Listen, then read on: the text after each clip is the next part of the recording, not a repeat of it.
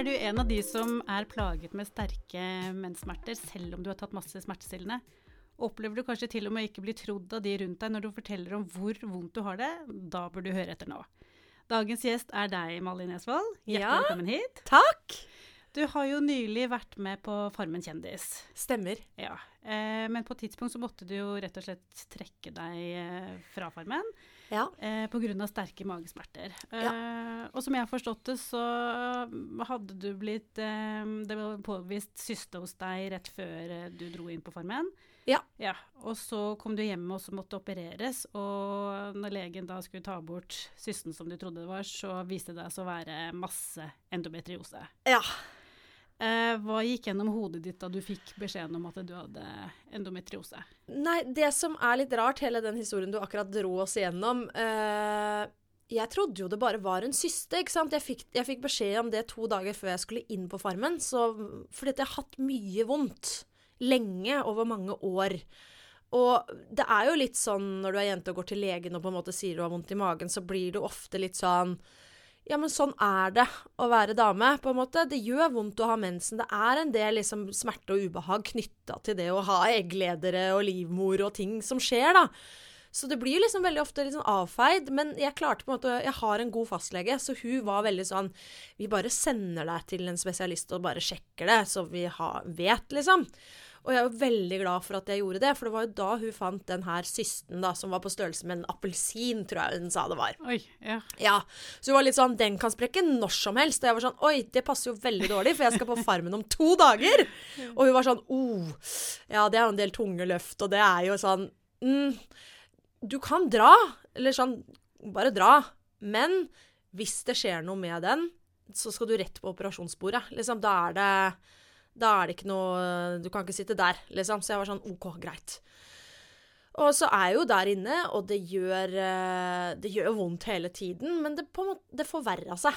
Det blei liksom bare verre og verre. Det, ja, det, og det er klart, liksom, man løfter tunge stokker, og man gjør, og det er veldig lite pause, og du, og du bare pusher på og pusher på. Det er klart at man pusher seg ekstra langt, for det er jo hele poenget med dette spillet. Det er jo på en måte at du vil jo ikke være det svakeste leddet, fordi da blir du stemt hjem. Ikke sant? Da må du ut i kamp og alt det der.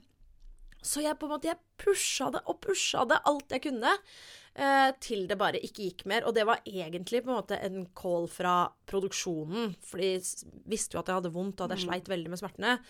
Eh, og måtte liksom, noen ganger så måtte jeg på en måte sove på dagene, og jeg måtte liksom litt sånne ting. Og folk var sånn 'Å, herregud, Mari må sove igjen'. Altså sånn bare, åh. For ingen andre visste om at du eh, sleit, eller? Hvorfor Nei, du sleit? Nei. nei. Jeg hadde ikke Eller jeg hadde sagt det, men men jeg tror ikke helt folk forsto det. Mm. Men ja, nei, det var veldig, veldig vondt. eh, Så det endte jo med at på en måte legen og produksjonen tok avgjørelsen på at liksom det er noe vi stopper her. Så jeg dro hjem, men da er det ikke sånn at man automatisk havner på sykehuset. Uh, I hvert fall ikke for min del. Så da var det egentlig bare liksom å være i, mer i ro. Og så være i sykehuskø, som alle andre. Ja. Og vente. Ja. Så det var fortsatt Det tok kanskje seks uker eller noe før jeg fikk ja. operasjon. Ja. Uh, og da gikk jo jeg inn der og trodde at sånn, nå skal de ta vekk den der appelsinen nedi, nedi der. Det blir deilig. Uh, våkner opp fra narkosen, og da er man jo så groggy, liksom. Så jeg uh, jeg er bare helt sånn Hva skjer? på en måte. Jeg husker jeg filma meg sjøl da, helt sånn Operasjon. Og så sitter legen der, og så sier hun sånn Du, vi fant ikke den systen. Den har nok sprekt. Og da skjønner jeg i hvert fall hvorfor det har gjort vondt. Å, guri. Ja. Ja, for det er vondt! Eh, eh, men det vi fant, var masse endometriose. Så vi har skjært, og vi har brent, og vi har holdt på, og det var litt overalt. Og jeg var sånn OK. Men jeg klarte ikke å ta det innom meg da, for jeg hadde jo akkurat våkna fra narkose og hadde så mye greier i systemet. Så det var ikke egentlig før på kvelden når jeg var hjemme igjen fra operasjon og kom litt til meg selv igjen, på en måte, så eh, tenkte jeg sånn Vent, hva var, hva var det hun egentlig sa? Sa jo at jeg hadde endometriose. Å, shit! Det vet jeg egentlig ikke så mye om, men det lille jeg vet, er at det er ikke egentlig en god beskjed. Mm. Jeg har en venninne som har det, og hun har slitt masse med det. Og liksom, og jeg ble, bare, jeg ble egentlig bare veldig redd. Ja. Eh, Og, og tusen spørsmål med en gang. Bare sånn, men hva, hva, betyr, hva betyr det for mitt liv? Eh, hvor på en måte hardt angrepet, eller sånn, hvor, hvor var det hen? Var det, var det alvorlig, eller var det lite? For det fins jo ganske mange forskjellige måter skal kalle det for grader av det. Eh, hva betyr det for Jeg har lyst på familie. Betyr det noe for liksom Burde jeg få barn nå? Eh, bare Du satt bare igjen med tusen spørsmål. Ja. Ja. Og siden den dagen, det er jo i nå et halvt år siden har, Det er ingen som har gitt noen svar. Det er jo ingen oppfølging. Det er ingenting. Det er den derre at jeg ligger i narkosen halvveis inni noen greier, får den beskjeden litt sånn langt i det fjerne. Og det er alt jeg vet. Mm. Uh, og det er veldig ekkelt, for det eneste du tar med deg hjem, er et papir hvor det står litt sånn Ta disse smertestillende i tre dager, og etter tre dager så er du oppe og nikker igjen. Da kan du ut og jobbe og sånn. Og etter tre dager så tenker jeg sånn Det må jo være noe gærent med meg, for jeg kommer meg ikke ut av senga engang. Det gjør så vondt. Eh, og det tok jo tre uker før jeg i det hele tatt var litt fungerende. Og så masse smerter, og jeg visste ikke om det var riktig. Og liksom mm. Man bare går rundt i en sånn der eh, uvisshet og aner ingenting. Mm. Og folk har jo spurt meg, altså sånn Jeg, jeg la jo ut et innlegg om det på Instagram da det skjedde, på en måte. Og det var egentlig litt tilfeldig. Jeg hadde ingen planer om å være sånn endometriose-influenser. Eh, men det var jo helt tilfeldig, for jeg visste jo ikke at det var det jeg hadde. Ja. Det var bare når jeg våkna, ja, så fikk jeg den servert i fanget. Eh, men, eh, men da har jo folk også fordi da blei det jo litt sånn OK, ja, ja, jeg kan jo dele det. Det, det koster meg veldig lite å si det som det er. Men eh, etterpå så er det jo veldig mange som har lurt på Men hvordan gikk det? Ja. Har operasjonen vært vellykka? Hvordan, hvordan går det? Og da er jeg litt sånn You tell me. Ja. Jeg veit ikke. Ikke sant? Jeg vet ingenting, jeg. Eh, bare før vi går videre, så bare kort kan du si hva endometriose er? Ja, eh, Eller vi, kan vi bare kalle det for endo, for jeg er så ja, jeg kaller det også endo. Jeg Ja, kaller meg selv for en endosøster, for vi er jo på en måte en gjeng med søstre da, som Ja. har, deler samme diagnose. Eh, og jeg er ikke noe ekspert på endometriose, fordi jeg har bare fått i fanget, jeg, og vet nesten ikke hva det er, men det Mm. lille jeg har googla eh, For jeg tør egentlig ikke å google, for da står det bare så fæle ting.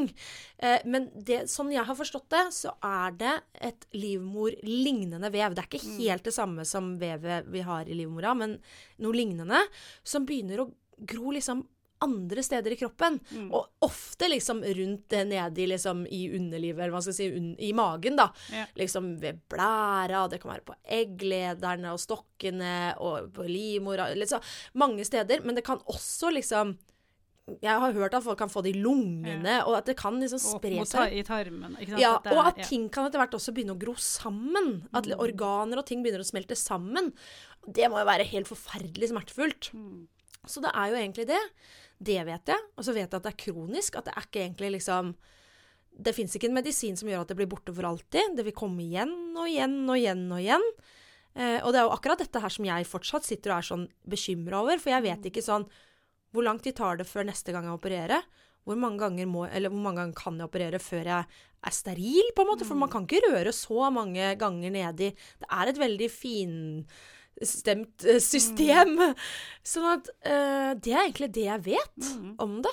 Ja, det stemmer med mye av det, det jeg vet om det også. Ja. Mm. Um, du sa jo at du, du har gått med smerter til og fra, men er det sånn at det, disse smertene startet da du fikk mensen, eller er det, begynte det senere? Det begynte senere Ja. for meg. Uh, jeg har egentlig vært ganske heldig, og igjen, jeg vet veldig mange sliter med enorme menssmerter, og det er veldig Mm. vanlig med endometriose.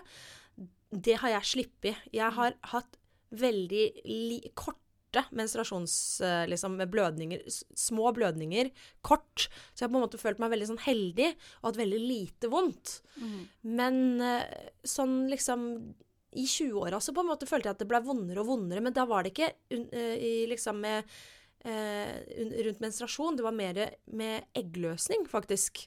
Som jeg syntes var kjempevondt.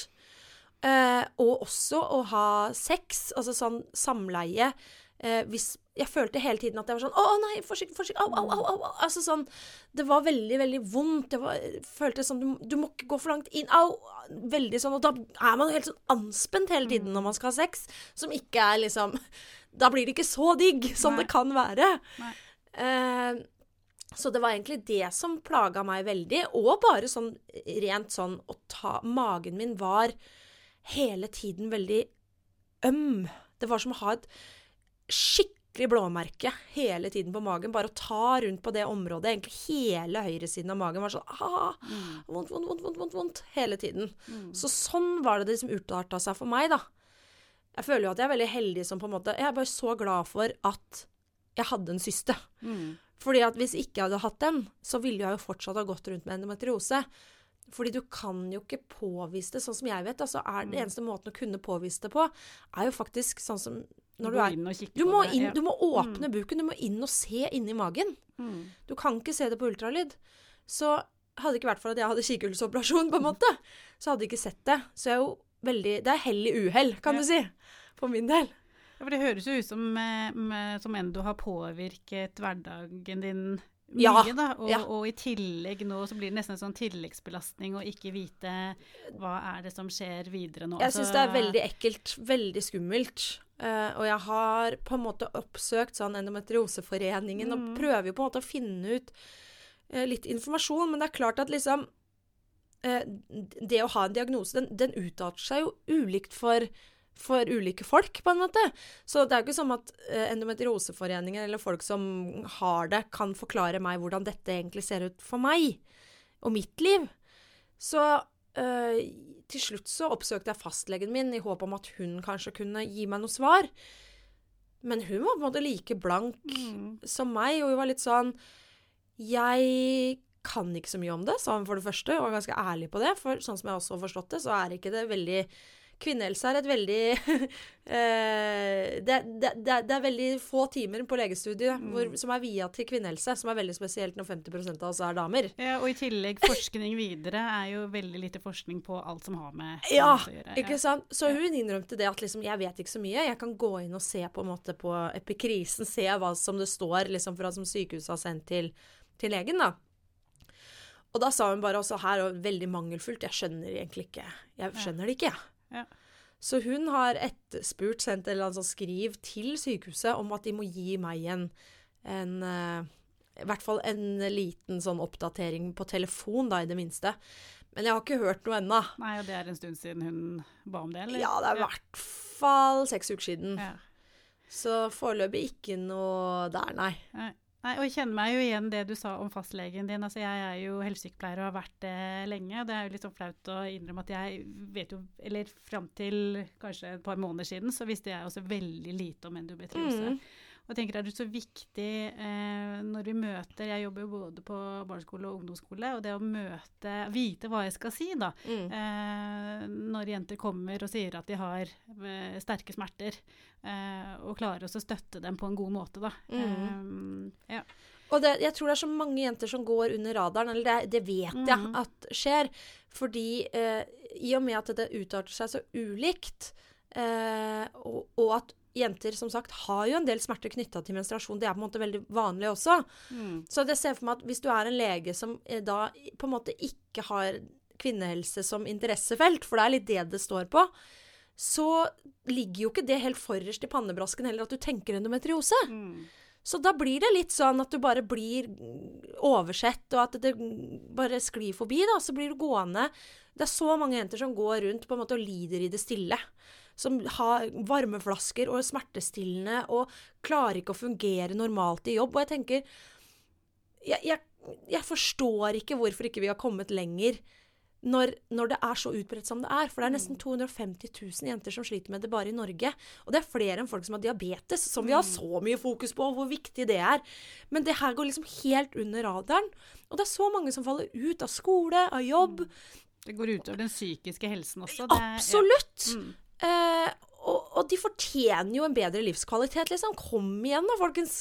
Sett dere litt inn i det, og la oss move on. Vi må, vi må få vi må få noe hjelp, liksom. Mm. Og det er litt også derfor vi ønsker å, å lage denne serien om endometriose. For jeg tenker at det er så viktig at både fagfolk, eller de som Mm. jobber med unge, altså helsefolk, og uh, ungdom får høre om dette her. Mm. Um, men du har nevnt litt om, om uh, dårlig oppfølging og sånt nå i etterkant. Hva, hva hadde vært den ideelle oppfølgingen? Hva tenker du? Hva er det spesifikt du savner? Jeg føler egentlig ikke at jeg ber om så veldig mye, for sånn som jeg eh, Når jeg tenker på folk som Når man blir operert, da Det har ikke jeg blitt veldig mange ganger. Men om du så hadde en kneskade, og du skal inn og du opererer kneet, så er det vel nesten obligatorisk at du blir innkalt på en eller annen oppfølging, hvor man sjekker om fungerer kneet nå, eller eh, kanskje det er noe fysioterapi inne i bildet, eh, når du har brekt bein, ta av gipsen. Altså, det er noe oppfølging. Og det er liksom det eneste jeg ber om. Sånn, kun, kunne dere gitt meg en halvtime, liksom, til å bare forklare hva var det som skjedde inni der? Hvordan er mine prognoser? Hva betyr dette for mitt liv? Er det noe jeg kan gjøre for at, å bremse det, f.eks.? Fins det noen muligheter der? Bare gi meg i hvert fall en halvtime, og ikke la meg gå rundt som et spørsmålstegn. Mm, ja, For du fikk ikke engang med deg noe informasjonsskriv? eh, Nei. Tenker Det burde være en enkel sak å ha et, både et standard eh, infoskriv om Ja. eh, hvordan operasjonen var, hva, sant? og hva kan du forvente deg Kan du deg forklare hva endometriose er, vær Ja. så snill? Ikke sant? Noe mer enn bare kort informasjon når du er helt groggy etter en Ja, narkose. Og da der sto det ingenting om endometriose. Det sto bare sånn ta Paracet og den eh, hver tredje tid Altså, det var bare det det sto. Ja. Og jeg gikk jo og tenkte sånn Ja, ja, men det kommer kanskje liksom et skriv eller noe i posten etter hvert, da.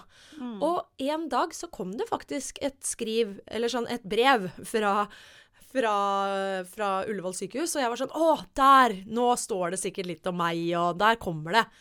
Og så åpner jeg det opp. Jeg ble så skuffa. Var det regning, eller? Det var en regning. Det var en regning på anestesien. Jeg bare Nei! Nei! Er det mulig? Ja, det var, da, da dro jeg meg litt i håret. Jeg skjønner. Eh, men, men hvordan har du det egentlig nå, nå som du er operert og, og sånt, og med, med endoen? Er du kvitt smertene Nei. nå, eller? Nei. Og jeg vet ikke om det er riktig, eller liksom Jeg vet jo ikke hvor lang tid tar det å heale. Kan jeg forvente å ha smerte i opptil et halvt år, som jeg har hatt nå, eller ikke? Jeg vet ikke. Mm. Så det er fortsatt smertefullt med sex og Eh, eh, sex er ikke smertefullt lenger, eh, men det har på en måte vært sånn Det var kjempe, kjempevondt veldig lenge. Og første gang Jeg turte jo ikke å ha sex, og alt var bare sånn Å, så skummelt. Så første gang jeg på en måte gjorde noe som var seksuelt, det var at jeg onanerte. Og så eh, Idet jeg kom, det var sånn Å, så deilig! Men idet Du vet, altså, når, når man får en orgasme, så er det jo masse som liksom strammer seg og trekker seg sammen. Så idet det på en måte var kjempegodt, så ble det kjempevondt! Oh. Og det ble helt kjempe, kjempe, kjempevondt. Jeg bare au, au, au, au, au, au. Og etter det turte jeg jo ikke å røre noe nedentil på meg sjøl. Det var bare sånn Der, der tør ikke jeg å gå igjen. Det var forferdelig vondt.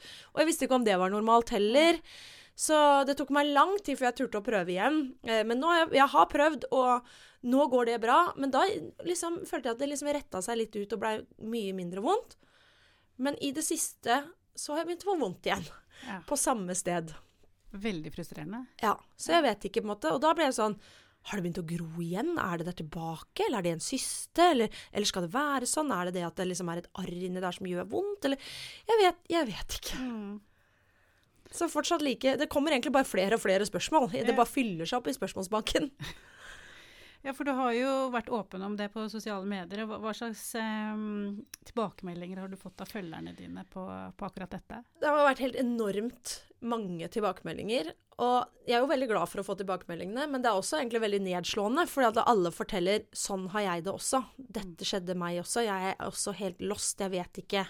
Og all, veldig mange som føler seg liksom at de bare faller gjennom alle stolene i systemet og går rundt og har enorme smerter. Altså, man lider. Så det var egentlig bare liksom veldig dyster lesning, alt sammen. Eh, men da blei det også bare eh, tydeligere for meg at jeg må bare fortsette å snakke om det. Jeg tenker ikke at jeg kanskje er liksom Jeg ble litt sånn stressa i starten. Sånn Å, gud, skal jeg være liksom endotalsperson? Jeg kan jo ikke noe om det. Jeg vet jo ingenting om det. Men samtidig så kan jeg jo dele mine erfaringer, og jeg har jo en plattform. og selv om ikke jeg kan sikkert si det smarteste og det, det mest jeg vet ikke, jeg, faglige, hvis du skjønner hva jeg mener, så kan jeg jo dele min, mine bekymringer og mine tanker som jeg vet at mange andre går med òg, da. Og ved å bare snakke om det, så kan det jo hende at noen som, som kan gjøre noe med det, hører det. Ikke sant? Så jeg kan jo ikke slutte å prate om det, tenker jeg da. Nei, Det tenker jeg er utrolig viktig. Ja. Eh, og så viktig for de som følger deg, som da ikke kjenner seg så alene. Ja. Ikke sant? Her er det noen som Og det ja. følte jo jeg på òg, ikke sant. At når jeg sa det, så kom det jo også mange inn som fortalte liksom ikke ikk, det, Du kommer ikke til å være på beina om tre dager. Gi, gi, det kan ta mange uker. Ikke se på det arket. Altså sånn, så det var jo en veldig trøst i det. At liksom det, det var, Der er de endosøstrene veldig gode å ha, da. Så, for det er et veldig sånn fint nettverk, men det er jo det er kjipt at det nettverket må eksistere. Ja, og der har jo helsevesenet en Svikta. Ja, det er en stor jobb foran seg. Det er Ja. det Ja. Veldig, veldig viktig. Mm. Eh, men når jeg først har deg her, Malin, så vil jeg også snakke om psykisk helse. Ja, jeg, jeg er jo litt talsperson for det òg, gitt. Eh, for vi som nå har begynt å følge deg på, på Insta, eh, og for vi som følger deg, så blir vi jo veldig godt kjent med både oppturene og nedturene dine. Eh, for hvis det har vært stille noen dager, så er du brutalt ærlig om det. Ikke sant? Nå Ja. har det vært mye gråt eller ikke sant? vanskelige dager. ja. Um, og for ikke så lenge siden så la du ut en story som traff meg veldig. Um, som jeg syntes var så fint at du delte. Uh, og du fortalte at det hadde vært uh, noen veldig vanskelige dager, og bare grining, og du hadde ringt foreldre og venner og sånt noe. Um, og så starter du med at det i dag er en veldig tung dag. Uh, du beskriver det som sånn blylodd som bare drar deg nedover. Husker du ja, jeg husker, Ja. Den, jeg husker den dagen. Ja, Uff. ehm, og så trekker du fram bl.a. et tips som du har fått fra en følger som jeg oppfattet at egentlig er ditt eget tips, men som du hadde glemt Ja. i den situasjonen. Og du skriver om da lavterskelliste. Ja. Uh, fortell litt til lytterne hva, hva er Ja, det for jeg hadde jo glemt at det er et eh, konsept jeg selv har funnet på, som jeg bare elsker, men som da en eh, følger minte meg på at eh, det Du må jo ta bruk dine egne tips her. Og lavterskelliste, det er noe som jeg har brukt veldig mye eh, når jeg er i, i nedturene spesielt. Den er også digg når det er opptur, men da eh, Ja, nei, den funker i hvert fall veldig bra når du ikke har det så rått. Og det er jo egentlig å lage seg en liste når du står opp om, den dagen, for det er ofte da du liksom man kan lage veldig optimistiske lister kvelden før, men å ta det litt på dagsformen og kjenne bare sånn åh, i dag er det skikkelig tungt, hvordan skal jeg liksom få til noe annet enn at jeg bare står opp? For jeg kan finne på å stå opp og være sånn nei, det her orker jeg ikke, og så går jeg og legger meg igjen. Men eh, da å skrive en liste, en slags to do-list, med veldig, og da mener jeg veldig, lavterskeloppgaver, som kan være pusse tenna, Mm, skifte truse. mm. Eh, og så kanskje man eh, Noen så er kanskje det for lavterskel. Man må se det litt liksom på hvor man er. Jeg husker du hadde ta på deg rene klær, dusje. Ja. Eh, For det visste du at du kom til å klare, og da er det liksom ekstra mestringsfølelse å bare ja, og det er det som er, for det er det som er hele poenget, er at det gir deg mestring. At du føler at liksom Å, det var ikke den dagen helt forgjeves. Se, jeg klarte noe! Se her! Jeg har stryket ut den. Og det er jo liksom et eller annet senter i hjernen som er sånn derre reward-senter. Når du huker av en oppgave, så er det sånn Åh, Det er deilig! Dopamine, Ja. ja. Og det er klart at med en gang hvis du starter litt lavterskel med at du har liksom da OK, du klarte å ta den dusjen, du fikk på deg reine klær, da er du plutselig litt i gang, og da var det litt sånn Å, jeg klarte det. Og da kanskje du får litt motivasjon til sånn Vet du hva, jeg skriver på en oppgave til, jeg. Kanskje det var å ta ut oppvaskmaskina, eller kanskje det var å gå en tur, ikke sant.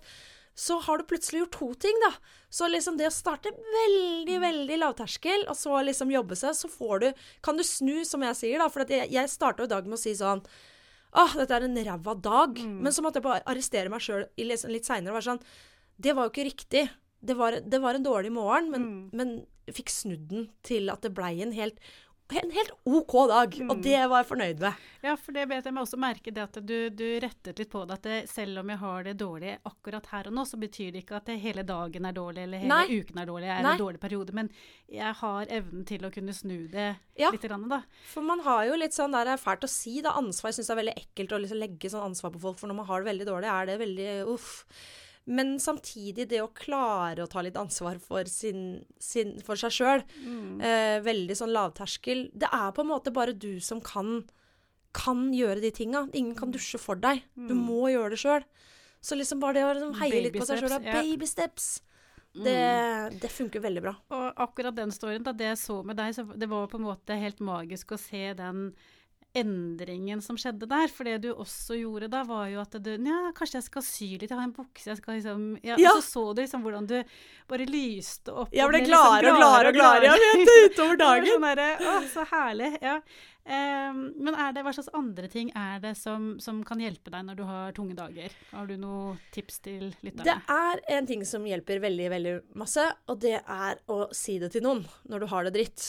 Det er veldig lett sagt enn gjort, eh, fordi i hvert fall jeg, når jeg har det veldig dritt, eller hvis jeg har masse angst, så er det det siste jeg vil, er å si det til noen. fordi at da blir det så ekte. Da blir det så ekte. sant? Å ja, da er det Da har jeg det ræva, da. Å ja, da har jeg angst, da.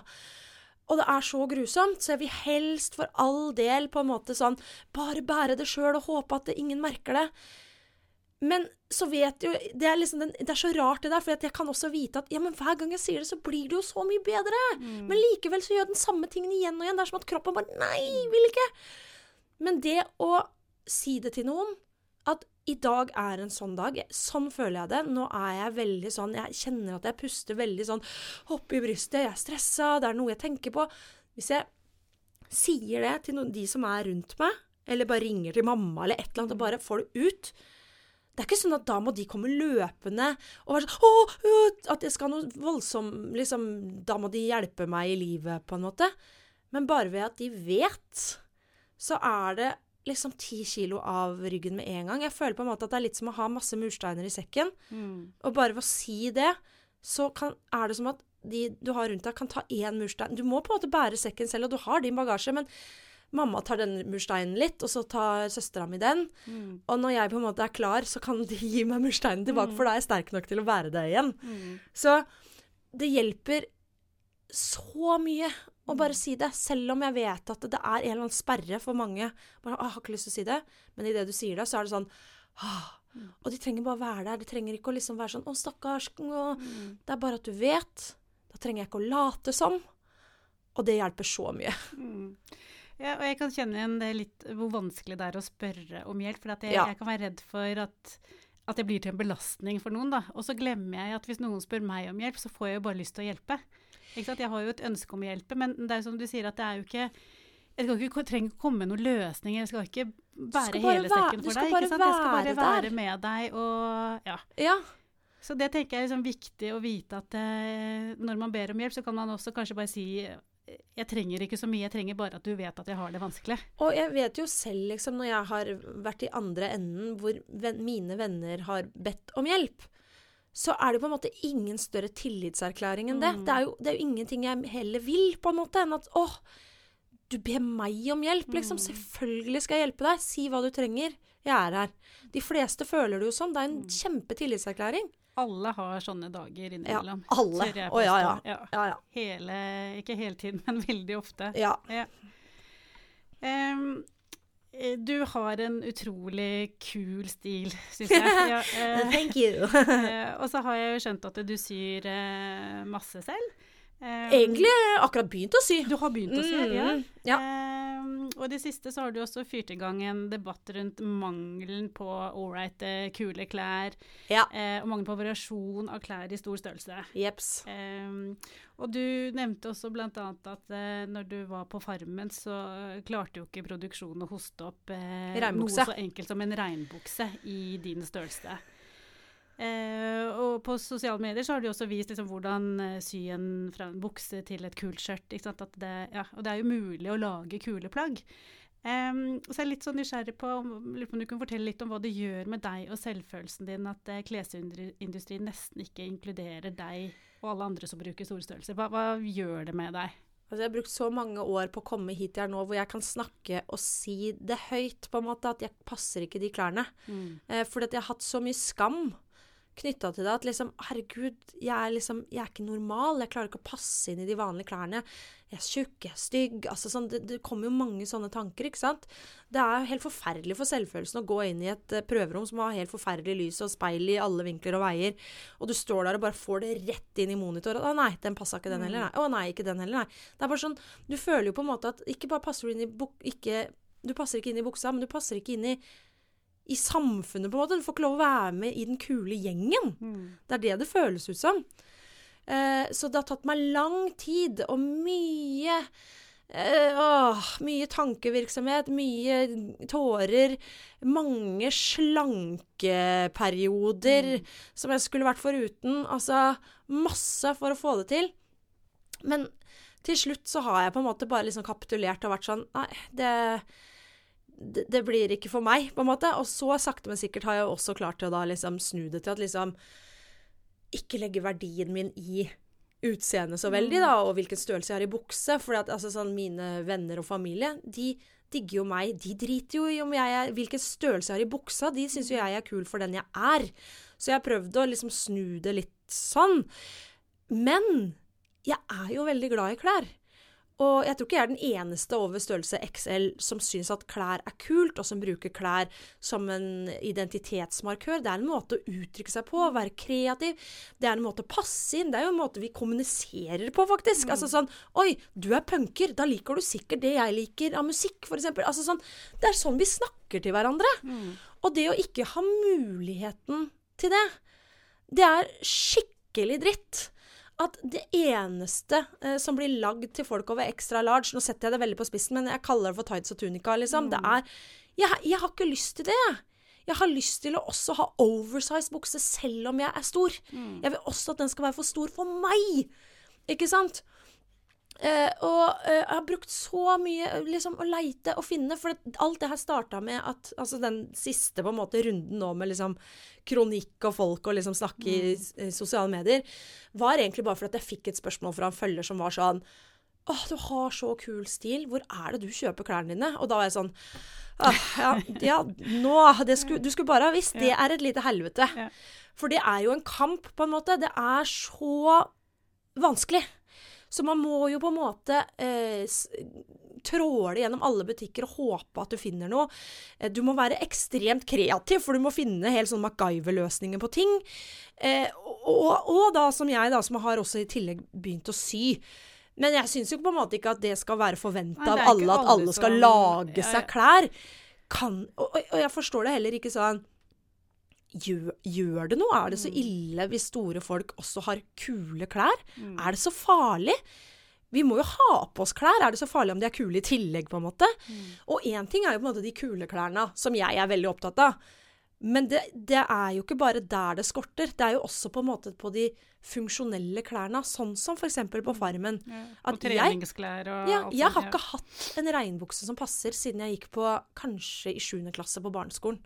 Etter at jeg kom i puberteten og begynte å legge på meg og sånt, så har ikke jeg hatt eh, regnbukse. Jeg har ikke hatt treningsklær. Jeg har ikke hatt skibukse og sånn boblebukse. Det er bare å glemme. Skalljakke. Aldri. Altså Er ikke det veldig spesielt? Og jeg føler at det, det er altså så liksom stigmatiserende Eller det er veldig sånn diskriminerende, er det vel egentlig. Mer sånn at folk tror at bare du er over en viss størrelse, så liker du ikke å bevege kroppen din. Mm. Eh, da liker ikke å gå ut i naturen, du, da. Eller sånn. Og det er jo ikke sant. Eller dra på fest og ha fine klær. Eller dra på fest sant? og ha fine klær. Det er jo Ja. ikke sant. Vi er jo ikke identitetsløse for det, for det om vi er tjukke, på en måte. Men jeg skjønner ikke at det ikke er et marked for oss å lage klær. Det skjønner ikke jeg eh, det, det, for jeg tenker at hvis man først, hvis noen, hvis noen hører på da, og får ideen til å lage noen kule klær altså det Jeg har jo allerede den ideen, men jeg skjønner ikke hvem jeg skal snakke med for å få det videre ut fra hodet mitt. Nei, det Ja. Jeg håper at noen tar tak i og eh, Ja. ja. Jeg håper også det. Veldig, veldig, veldig. Fordi det Nei, det det det er, det er for rart, på en måte. At det, er, at det faktisk er sånn. Mm. Mm.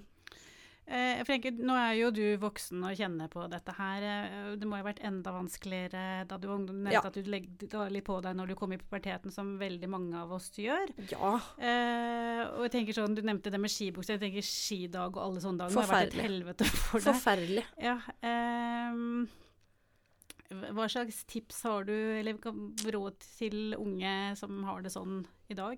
Ungdom? Jeg tenker jo at for det første så eh, håper jeg at de klarer å legge verdien sin litt i på en måte hvem de er.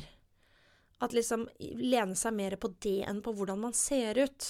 Jeg skjønner at det er vanskelig fordi at det er TikTok og alt, og man får altså bare så pene jenter inn i monitor hele tiden. Eh, men, men, eh, men bare vit liksom at dine venner er jo ikke vennene dine fordi du er så himla fin, liksom. De, de fleste er ikke det. Det er jo fordi du er snill, du er kul, Egenskapene dine? egenskapene Mm. dine, ikke sant. Så prøv å fokusere litt mer på det. Og jeg, sånn som i sosiale medier for eksempel, da, jeg personlig er ganske nøye på hvem jeg følger. Selv om at jeg vet det er folk som er veldig populære, og alle snakker om. Men hvis jeg merker at dette gjør ikke meg godt. Mm. Nå jeg, så jeg litt annerledes på meg selv i speilet. Fikk plutselig en idé om at å, hvis jeg bare eh, holdt på å si Altså sånn Bare blir litt tynnere, eller litt Mm. et eller annet, så blir alt bra. Må, da må jeg bare luke ut med en gang.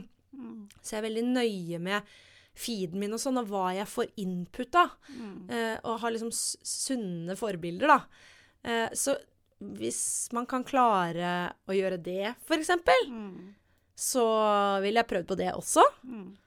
Uh, ja. Nei, jeg tror egentlig bare Jeg tror de tingene er i hvert fall kjempe, kjempeviktig. Mm. Kutt ut og følge de som da gir deg en dårlig følelse om Ja, deg selv. Og selv om de er dritpopulære, så bare liksom tenk, tenk på deg sjøl, liksom. Kom igjen. Mm. Du, man liksom Legg litt til rette for at uh, du skal ha det bra, Mm. ikke sant? Det tror jeg er lurt. Veldig gode tips. Eh, Jeg syns det er så trist eh, når det virker som det er en mulig løsning på dette her med, med klær, da. Ikke sant? Vi snakket om at det, det, det er jo mulig å gjøre dette her. Ja. Du har jo vist at det går an å skape kule plagg i store størrelser. Ja. Eh, også den massive responsen du har fått eh, rundt dette her, understreker jo at det er så mange som opplever og har det på samme måte som deg, da. Ja, fordi i Norge så tror jeg faktisk Altså, nå, jeg vet ikke hvilken kilde, men jeg har nå i hvert fall hørt at um, liksom den normale gjennomsnittsdama i Norge er rundt 46-48 i størrelse. Og det er akkurat i, i bikkepunktet fra du ikke har noen størrelser å velge mellom. Da. Det er akkurat der. Så egentlig er jo flere på en måte curvy og plus size enn det man kaller i gåseøynene normalstørrelse. Ja. Normalstørrelsen er jo egentlig pluss. Så, så liksom Og da blir jeg litt sånn oppgitt når man går i klesbutikker og ser disse utstillingsdukkene som er eh, typ størrelse small, og man, man blir jo eh, påvirket av det. Og jeg tenker, Ja. når jeg ser et Å, det ser kjempefint ut, og så tar jeg Ja, min størrelse, så ser det jo ikke sånn ut. Ja, det Kunne ikke sånn, vært utstillingsdukker i normal størrelse også? Jeg tror sånn noen variasjon. har begynt med det. det. Jeg tror absolutt ikke det er vanlig ennå, Mm. men det har kommet litt, og det er veldig bra. Og det fins også igjen føler Norge henger veldig etter, da, men hvis man ser liksom på nett og på nettbutikker som er litt sånn i i hvert fall sånne nettbutikker som jeg ser på, så er det jo ofte modeller på en måte som viser d- den kroppen, Det altså den, den riktige størrelsen. Ja. Og det hjelper jo veldig, både fordi du har lyst til å se hvordan kommer det til å faktisk se ut på meg. Da slipper du på en måte den derre ah, Ja. det var jo ikke i det hele tatt, nei. OK, ops. Da må du kanskje på nettet, kanskje ikke det i de kuleste butikkene rundt omkring. Jeg vet ikke. Nei, og det som også er på en måte det kjipe med det her, er jo at øh, nå lever vi jo på en måte i en tid hvor vi er opptatt av at ting skal være mer miljøvennlig, ikke sant? Hvor, og klær er jo på en måte en skikkelig miljøversting.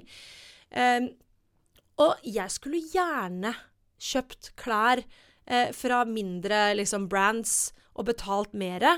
De, de små brandsa, det, det er de med de minste størrelsene, så det er helt uaktuelt. Og det det ender med da, er at det finnes muligheter for meg å kjøpe noen kule klær. Men da må jeg på nettet, og da må jeg på det som heter fast fashion og ultrafast fashion, som jeg egentlig ikke har lyst til å støtte i det hele tatt. Men jeg skal være ærlig og si at jeg har flere ganger vært der inne, fordi jeg, jeg vil også ha det! Eh, Men jeg har jo ikke lyst til å støtte det, så det er med en kjempebismak. Mm. Eh, Sånn at det Det er der man ender, da. Mm. Og det er så kjipt. Og man kan ikke gå og prøve i butikk heller, for det, det, alt er bare på nett hvis det er over en viss størrelse, så du kan egentlig ikke vite om det passer, da. Du må bare gamble. Ja, så jeg tenker sånn, Nå er det vel egentlig bare opp til klesindustrien. Nå, nå må det skje noe skjerpings. Skjerpings. Ja. Og så får jeg lage noe eget òg, da. Jeg får prøve. Du får lage en ny en egen kolleksjon. Ja. E, ja, om jeg skal. Eh, tusen takk for at du kom, Malin. Det har vært superinspirerende å snakke med deg. Så bra! Eh, jeg fikk jo litt dårlig samvittighet når jeg leste på Insta at du hadde fått hjemmelekse av psykologen din å si nei, mer enn nei til ting. Ja. Men det ble Så ja til dette, da. Ja, så Det er veldig hyggelig at du kommer, så får du heller si nei til neste oppdrag. Ja. Takk skal du ha. Takk for meg! Mitt navn er Cindy Engmark Sandvold. Det tekniske var ved Helle Midtbø. Helle og Cindy har også hatt det redaksjonelle ansvaret.